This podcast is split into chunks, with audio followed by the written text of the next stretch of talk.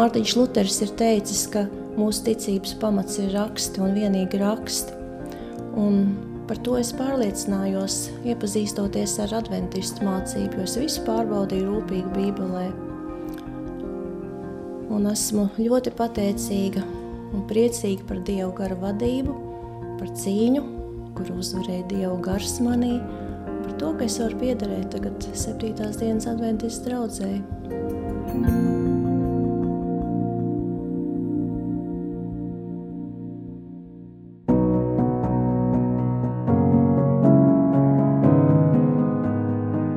Esmu Mikls Mūžēko, un tu klausies podkāstu Bībeles gaismā, kurā tev saistoši jautājumi par šodienīgo tiek atklāti un paskaidroti Bībeles brīnišķīgajā gaismā.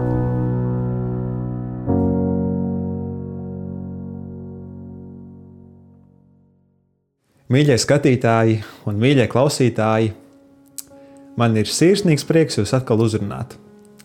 Vasara ir pagājusi, mēs tuvojamies jau tumšiem vakariem, tas liecina par rudens iesākumu, un arī tas liecina par to, ka mēs podkāstu Bībeles gaismā uzsākam otro sezonu.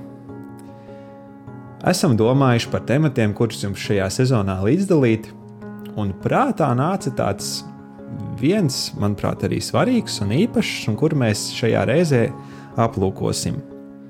Esam izvēlējušies jautājumu, kāpēc tik daudz reliģiju. Varbūt tas kādreiz jums ir līdzi domāt, vai nē, runāsim par to un mēģināsim saprast, vai šajā sajukumā varbūt arī ir kāda patiesā reliģija, kaut kāda patiesā ticība, kam mēs droši esam aicināti ticēt. Esmu šajā reizē aicinājis viesi, kurš dalīsies savā pieredzē un Bībeles atklājumos uz šo jautājumu, un tā būs 7. dienas adventistu draugs locekle Helvija Rancāna. Sveika, Helvija! Prieks, ka tu piekriti mums, mums būt šajā epizodē. Uh, jā, Bībelē ir tāds, tāda rakstvieta. Es to nolasīšu. Vienai cerībai jūs savā aicinājumā esat aicināti. Viens kungs, viena ticība un viena kristība. Kā tu izproti šo raksturvietu? Varbūt iesākumā es vēlētos tā vaicāt. Tad, kad mēs raugamies pasaulē, tad redzam, cik ļoti sašķelta ir sabiedrība.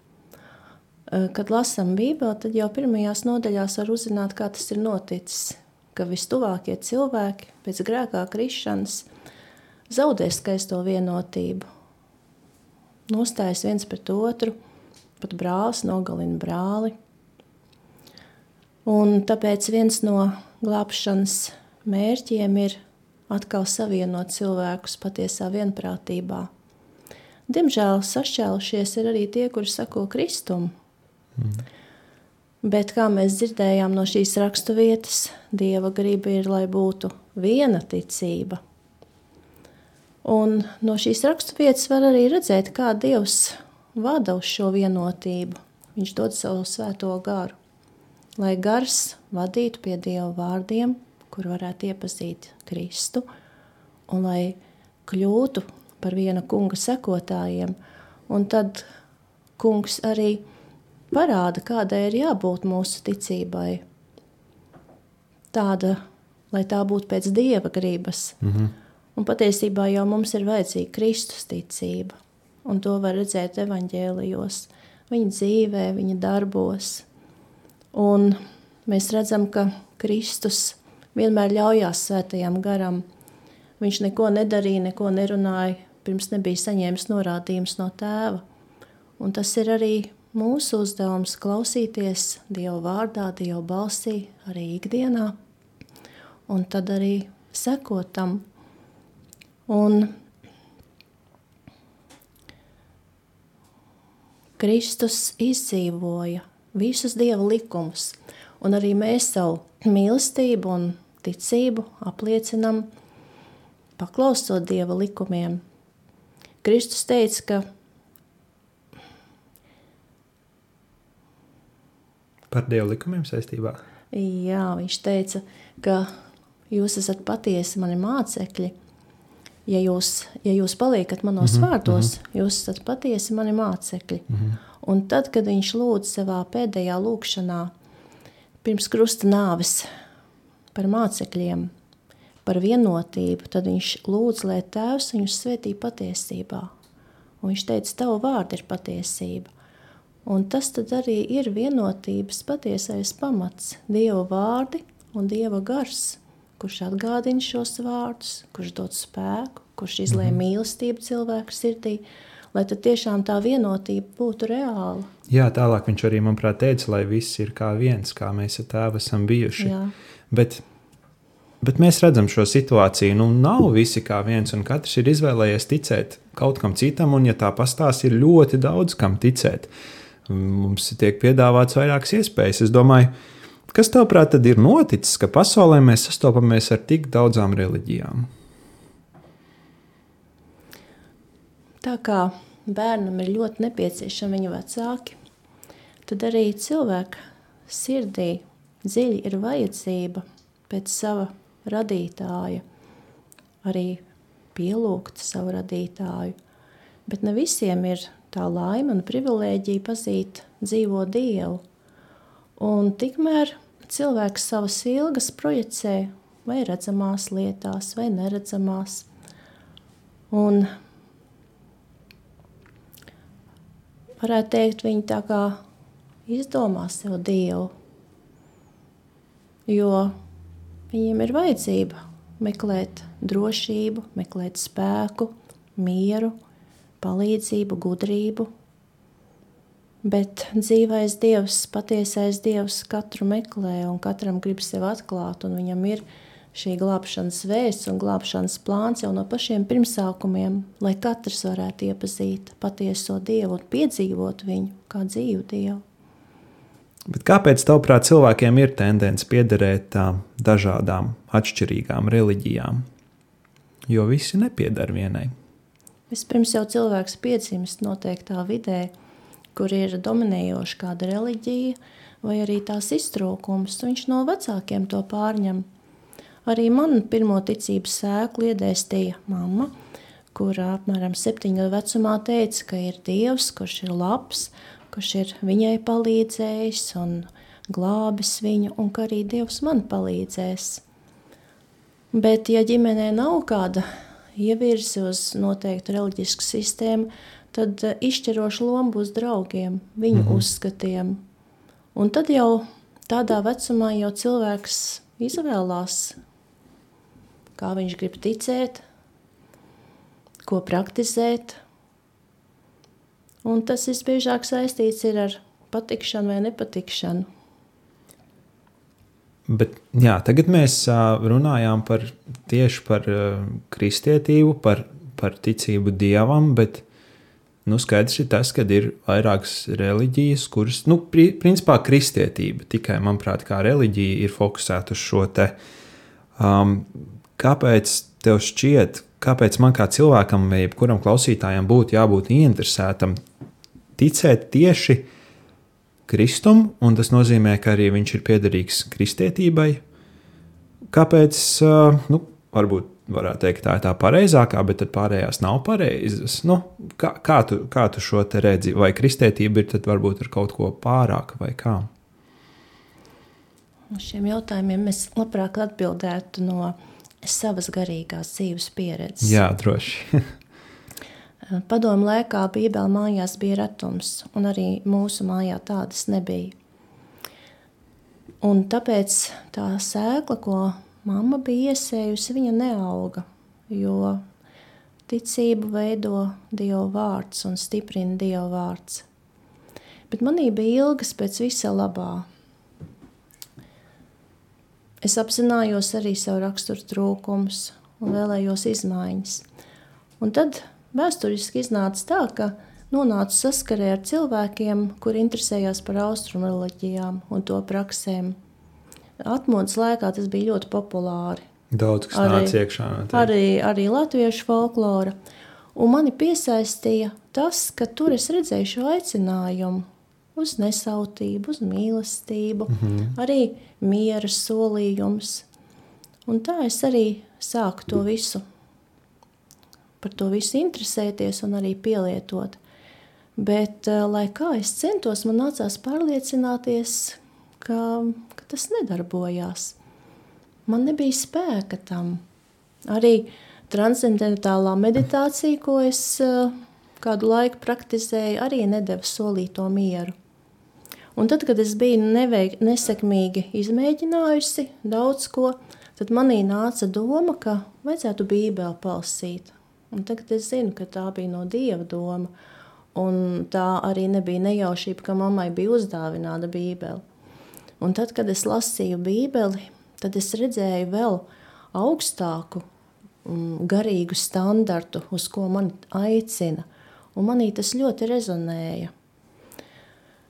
Un neraugoties uz to, ka es biju uzņēmusi tik daudz dažādas mācības, un centusies praktizēt, manī bija tāda pārliecība, lasot Bībeli, ka tā ir patiesība.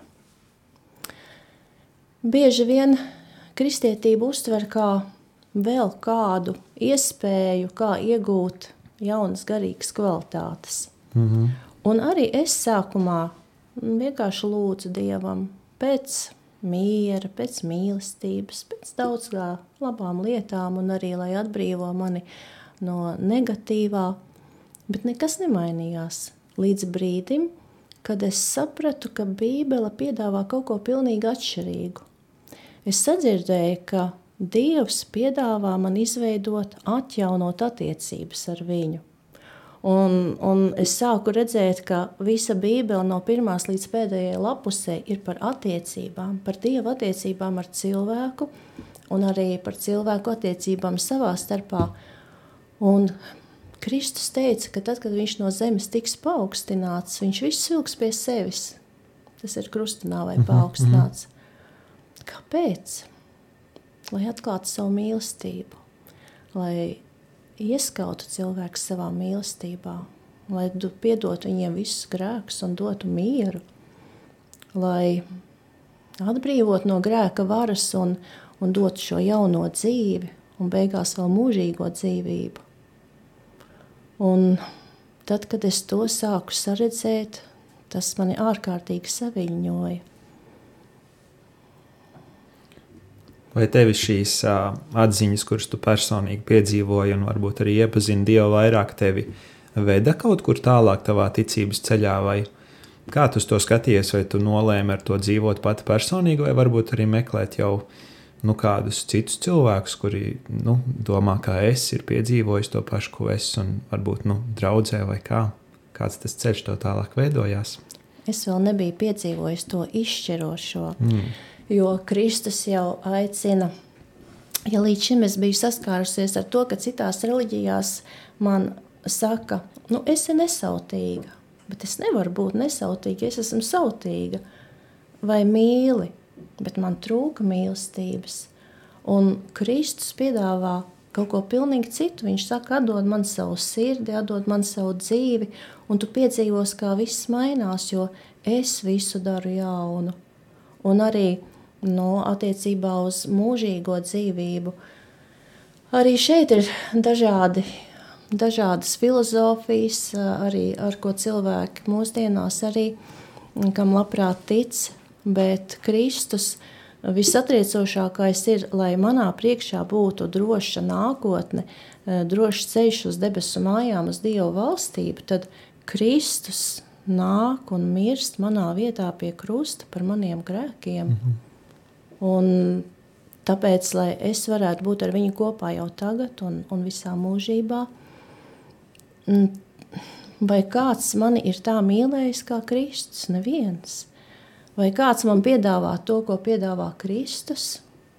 Nē, tas, ko es piedzīvoju, es atsaucos šim aicinājumam, mm -hmm. un es piedzīvoju, kā viņš piepilda man dvēseli ar mīlestību, ar prieku, ar mieru, kā nomaina manas domas, kā ņem projām dusmas, un, un visu to, pēc kā es ilgojos, to arī.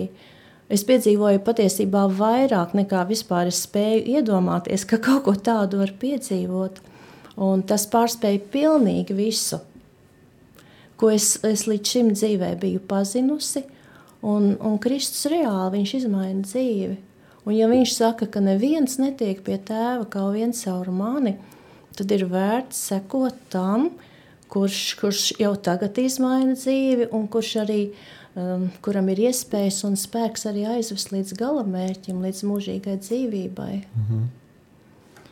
Un, un ja, tad, kad tagad, es to jā, piedzīvoju, ja, tad, tad gan man bija tiešām man tik ļoti gribējās dalīties ar savu prieku, ar citiem un, Droši. un, un, un parādīt, uh, pastāstīt par to, kā, kā Kristus, kā viņš ir tas ceļš un mm -hmm. kā mhm. viņš vada pa šo ceļu. Un, jā, tas, tas kļuva par ārkārtīgi lielu prieku.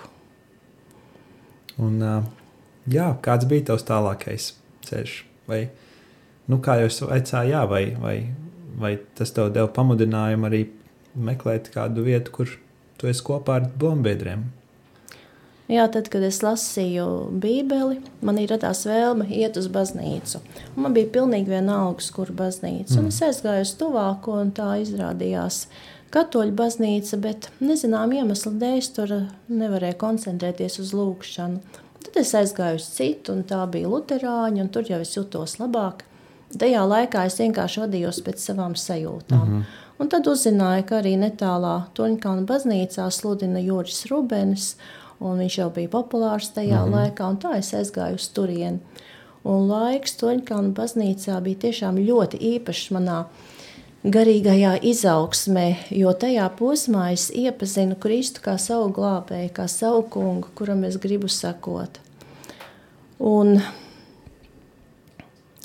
es biju ārkārtīgi laimīga tajā laikā, un baznīca man bija otrs mājas, bet es nenojautu, kā mainīsies viss pēc kādas manas lūkšanas. Un manā sirdī bija ļoti liela vēlme atbildēt uz Dieva žēlastību un to prieku, ko es piedzīvoju ar mīlestības pilnu paklausību. Uh mhm. Un tāpēc es Dievam teicu, um, droši vien es tevi apbēdinu un grēkoju neapzinoties, bet tu man parādi, kur tas ir. Mm. Un atbilde nāca nākošajā svētdienā, ejot laukā no dievkalpojuma, garām Dieva baušļiem pie sienas, kā cilvēks no draudzes, ar kuriem es jau biju runājusies, man saka, vai tu zini, ka mēs pārkāpjam divus dievu baušus? Oho. Es viņam atbildēju, nu, es nesen esmu iesvētīta un mācījos dievu baušus un cenšos tajos dzīvot. Bet viņš man atbildēja, bet tu salīdzini katehismu baušus ar bībeles baušiem. Un tā es mājās lieku blakus Un, un bija ļoti pārsteigti ieraugot, ka nesakrīt. Jo mana pārliecība bija, ka baznīca sludina to, kas ir Bībelē rakstīts. Un tad, kas sanāk, arī līdz tam tu nebija arī uzdurusies tām lapusēm? Vai? Nē, es biju tikai jauno derību lasījusi. Ah, tikai jauno skaidrs. Mhm. Un, un es arī, mm, nu, un tad es nolēmu, nu, jā, tas, ko es atklāju, bija, ka katehismā trūkst otrā baušļa, Un, lai tagad sanāktu visi desmit, tad pēdējais sadalīts par iekārošanu divās daļās. Mm -hmm. Un savukārt tas, ko es zināju, kā tev būs svēto dienu svētīt, Bībelē kaut kāda sabata diena ar uh, garu nopietnu pamatojumu, kāpēc tā ir svēta diena un kā viņu svinēt. Nu, tā es nolēmu ķerties un izpētīt, kas tur ir ar tiem baušļiem. Un es veltīju tam mm, ilgu laiku. Es savācu visas raksturvietas, kāds vien bija par šo tematu. Un ar domu, ka es pierādīšu, ka nav nekāda sabata, ir svētdiena. O, tādā veidā, jā, arī, jā, arī pat tādā veidā.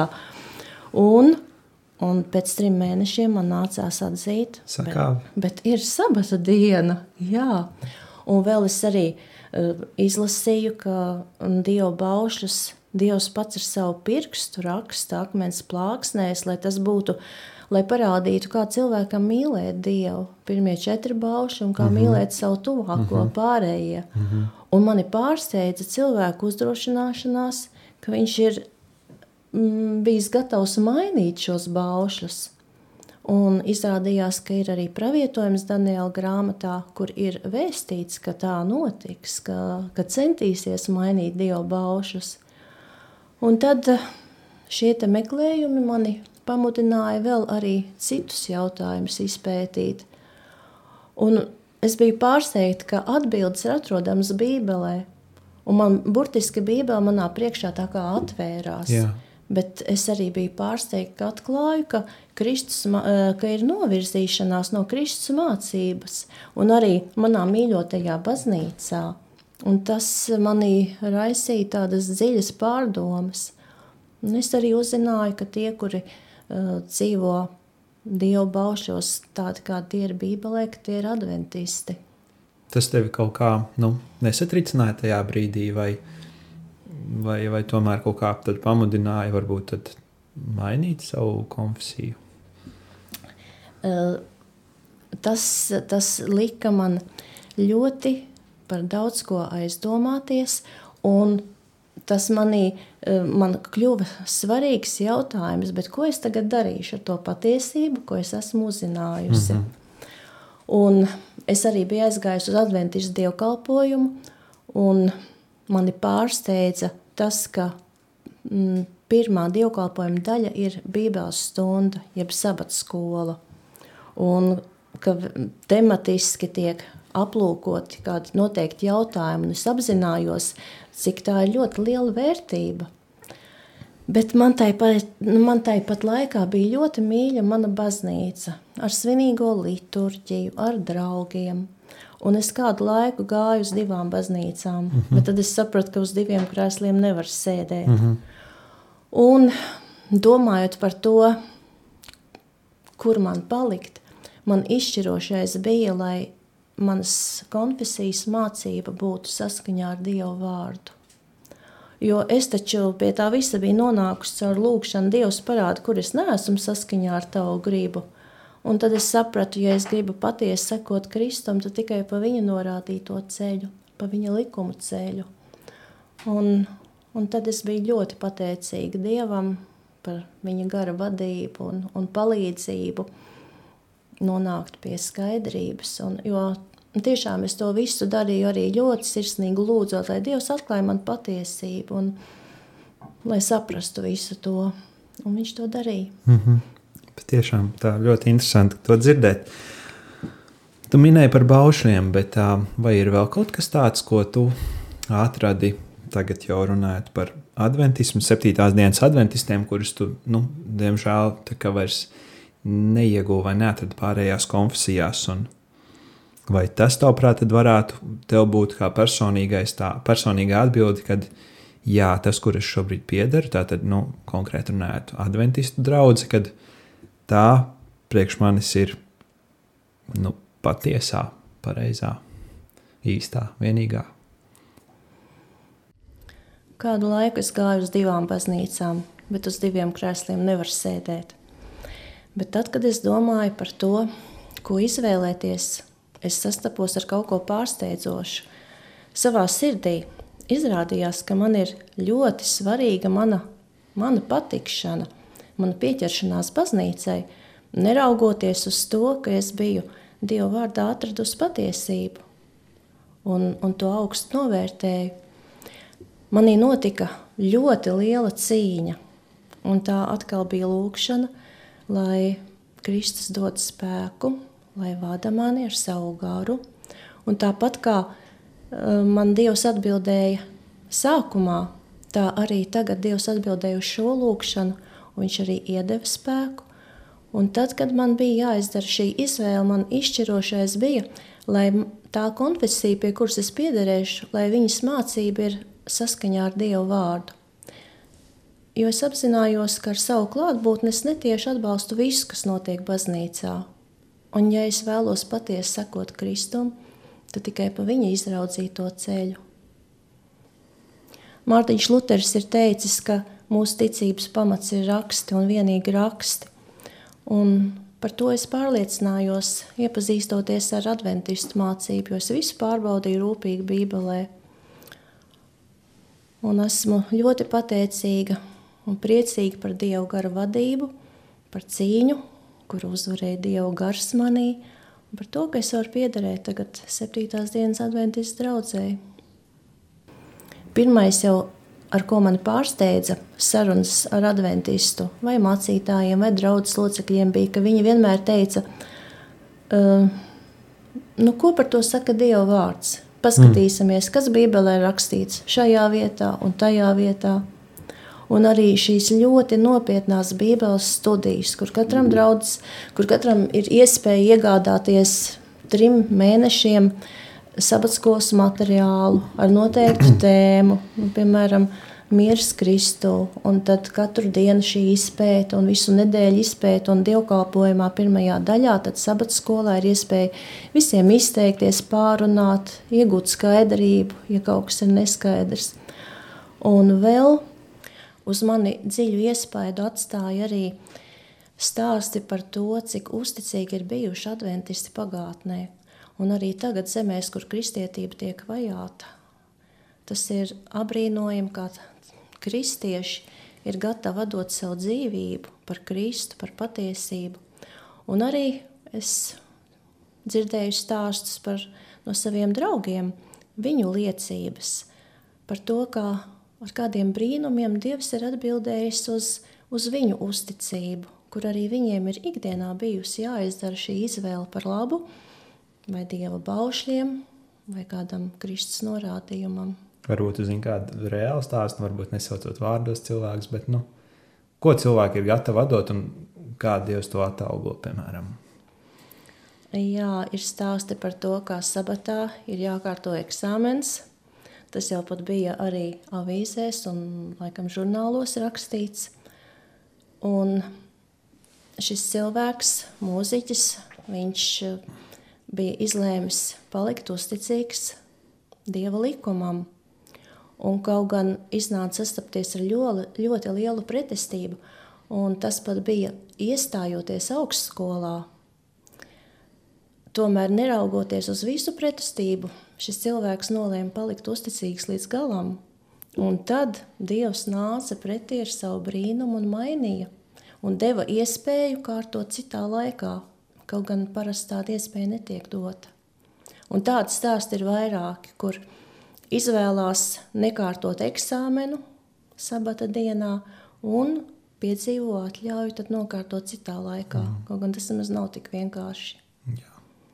Un vēl mēs varam lasīt Pāvila pirmajā vēstulē korintiešiem 12. un 14. nodaļā par gara dāvanām, kuras ir, lai dotu svētību draudzēji un arī cilvēkiem ārpus draudzes. Un ir minēta uh, praviešu gara dāvana, kā ļoti svarīga dāvana. Tāda bija pirmkristiešu draudzē, un apustulis Jānis atklāsmes grāmatā arī 17. nodaļā raksta, ka Jēzus liecība ir praviešu gars, un adventistu draudzē ir šī dāvana, praviešu dāvana – Elīnas veids atklāsmes nav nekas jauns, kas būtu ārpus Bībeles. Mm -hmm. Tās pievērš uzmanību patiesībā Dieva vārdam, un, un tās ir visas pamatotas Bībelē un ir piepildījušās. Un vēl kāda interesanta arī atšķirība. Viņa ir pievērsusi uzmanību tam, kas arī ir 1. korintiešu vēstulē 8. nodaļā rakstīts, ka mūsu miesa ir svētā gara templis, un ka mums ir jāpagodina Dievs ar savu miesu. Un tas ir ar veselības dāvanu, kas mums ir uzticēta. Mēs esam atbildīgi par to. Un adventistu draudzēji šī veselības reformas vēsts ir kā ļoti svarīga vēsts, kas arī iet roku rokā ar glābšanas vēsti. Jā, vēl es arī sapratu, ka pēc Mārtiņa Lutera reformācijas Dievs ir uzticējis dažādām konfesijām kādu noteiktu vēsti. Mm. Mārtiņa Lutera galvenā, galvenais atklājums bija, ka glābšana ir ticībā, ticībā. Kristus nopelnam. Baptisti pētot tālāk Bībeli, atklāja, ka bībeliskā kristība ir apzinātā vecumā. Pagremdējot, tā, jā, pagremdējot, un tā ir kā ticības, kā personīgās mm -hmm. ticības apliecinājums. Un tad adventistiem savukārt ir uzticēta ļoti svarīga misija sagatavot pasauli Kristus otrajai nākšanai. Tā kā Jānis Kristītājs sagatavoja pasauli uh, pirmajai jēzus atnākšanai, tā adventistiem ir uzticēta šī triju eņģeļu vēsts. Es pat labprāt. Uh, jā, izlas, varbūt citiem izlas... tas ir, uh, kas tas ir, jā, trīs jā, eņģeļu vēsts. Jā. Droši to var līdzdalīt. Tādā izda, izlases veidā es pat labprāt lasīšu.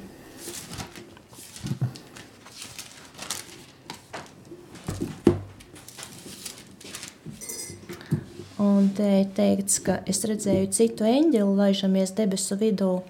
Tam bija mūžīgs evaņģēlijs, sludināms tiem, kas dzīvo virs zemes un visām tautām un ciltīm, valodām un tautībām.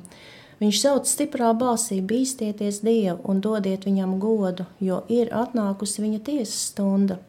Pielūdziet to, kas radīs debesi un zemi, jūru un ūdens avotu avotus. Vēl cits eņģēlis otrs sekoja un sauca: Kritus, kritus, lielā bābele!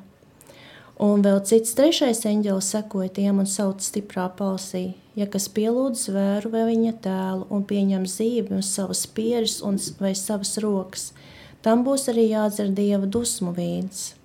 Šeit vajadzīga svēto pastāvība, kas tur dieva baušļus un jēzus liecību Mēs redzam, ka tā ir vēsts atkal par glābšanu, Kristus taisnībā, tikai viņa nopelnā, bet uh, arī par to, ka Dieva žēlstība dara cilvēku spējīgu pagodināt Dievu un dot viņam godu. Mm -hmm. Bet dot Dievam godu var tikai sekojot pa viņa ceļu, pa viņa likumu ceļu, nevis pa izmainīto baušļu ceļu. Un arī tā ir vēsts, ka ir tiesas stunda, Dieva tiesas stunda atnākus, un tāpēc Dievs aicina tagad saskaņoties visiem ar Dieva gribu, atgriezties no visa tā, kas ir pretrunā, no visiem grēkiem un, un, un būt ar mieru, jo Dievs saka, kritus ir bābeli, kas ir reliģisks sajukums, bet Dievs saka, tie, kuri dzīvos Dieva baušļos un kam būs jēzus liecība, tie izturēs, tie nepieņems vērzīm, mm -hmm. bet būs apzīmogot ar Dievu zīmogu. Jā, skaista vēsts patiešām. Pēdējo jautājumu vēlos tev uzdot. Tu jau, lai gan tā varēja varbūt noprast no tavas dzīves stāsta, bet varbūt tā konkrētāk pasakot, vai tad ir tik ļoti būtiski man um, piederēt kādai konkrētai konfesijai, jo, cik es saprotu, nu, Bībele ir grāmata, kura tā ir vēsts, un cilvēks varbūt viņu var pieņemt vai, nu, sākt ticēt vai, nu, iepazīties ar to un pats personīgi dzīvot saskaņā varbūt ar šo ticības pārliecību, kad viņš tādā ziņā neizvēlas saistīt sevi nu, ar kaut kādu institūciju, jo tomēr tā ir baznīca, un citiem cilvēkiem tā liekas, nu, baznīca, institūcija. Tā. Kā, kā tu saskati, vai tas ir būtiski, un ja jā, tad nu, cik būtiski tad man ir patiešām piederēt konfesijai, apliecināt to un jā. Dievam ir draudzene gan debesīs, mēs varam lasīt Bībelē, un viņam ir arī ģimene uz, virs zemes. Tad, kad Kristus izglāba cilvēkus, viņš aicināja viņus sekot viņam, un Kristum sekoja liels pulks mācekļu. Un neilgi pirms krusta nāves Kristus pats dibina savu draugu. Mēs par to varam lasīt Mateja evaņģēlijas 16. nodaļā. Un viņš izveido draugu kā vietu, kur viņa mīlestībai atklāties visuzskatāmāk, lai būtu redzams, kā tiek aprūpēti draudzes locekļi, un lai visi vienoti varētu arī nest šo vēsti un arī parādīt mīlestību tie, kas ir ārpus draudzes. Un tieši ar draudzes organizāciju var visietekmīgāk palīdzēt cietājiem, mm -hmm. cietējiem pasaulē. Tie, jo tie ir uh, resursi, kas ir nepieciešami. Un, piemēram, Adventīzes draudzē ir adra, kura uh, ļoti iespaidīgi var palīdzēt gan pēc dabas katastrofām, gan bada cietējiem, gan dažādu veidu palīdzību sniegt. Tāpēc visi kopā ar vienotiem spēkiem var, var daudz, daudz labāk kalpot Dievam un, Un Jēzus ir paredzējis, lai, lai viņa mīlestība praktiski tiktu atklāta. Bet Dievs ir arī draudzēji uzticējis viņa mācību sargāt. Un ir teikts, ka tieši Dieva daudzveidīgā gudrība ir atklājusies caur draugu visām varām un spēkiem debesīs. Tā kā būt draudzē nozīmē būt Kristus ģimenē. Un Kristus pats nāk savas ģimenes vidū pēc sava apsolījuma Jo viņš ir teicis, tur, kur divi vai trīs ir sanākuši viņa vārdā, tur viņš būs. Un tas ir brīnums, ko var piedzīvot tie, kuri viņam tic. Bet sevišķi brīnums ir tas, ka Kristus Dievs būdams nāk uz šo zemi, lai dzīvotu starp cilvēkiem, lai izdzīvotu mūsu grūtības un lai mēs redzētu, cik Dievs ir labs, cik Viņš ir mīlošs, sirsnīgs, arī taisnīgs, un lai mēs gribētu būt ar Viņu kopā. Un Kristus piedāvā vēl kādu sevišķu brīnumu katram. Tikai tad, kad mēs lasām Bībelē un domājam par Kristus dzīvi, par viņa pašaizliecību un skaidro dzīvi. Un tikai tad mēs aptveram, cik tālu mēs esam aizgājuši no Dieva principu, viņa likuma standarta. Un nepietiek ar kādiem uzlabojumiem, ir nepieciešamas dziļi būtiskas izmaiņas pašā sirds būtībā. Kristus teica, ir jāpiedzimst no augšienes, un viņš piedāvā katram šo lielo brīnumu. Viņš arī dara to iespējamu katram, kas viņam tic.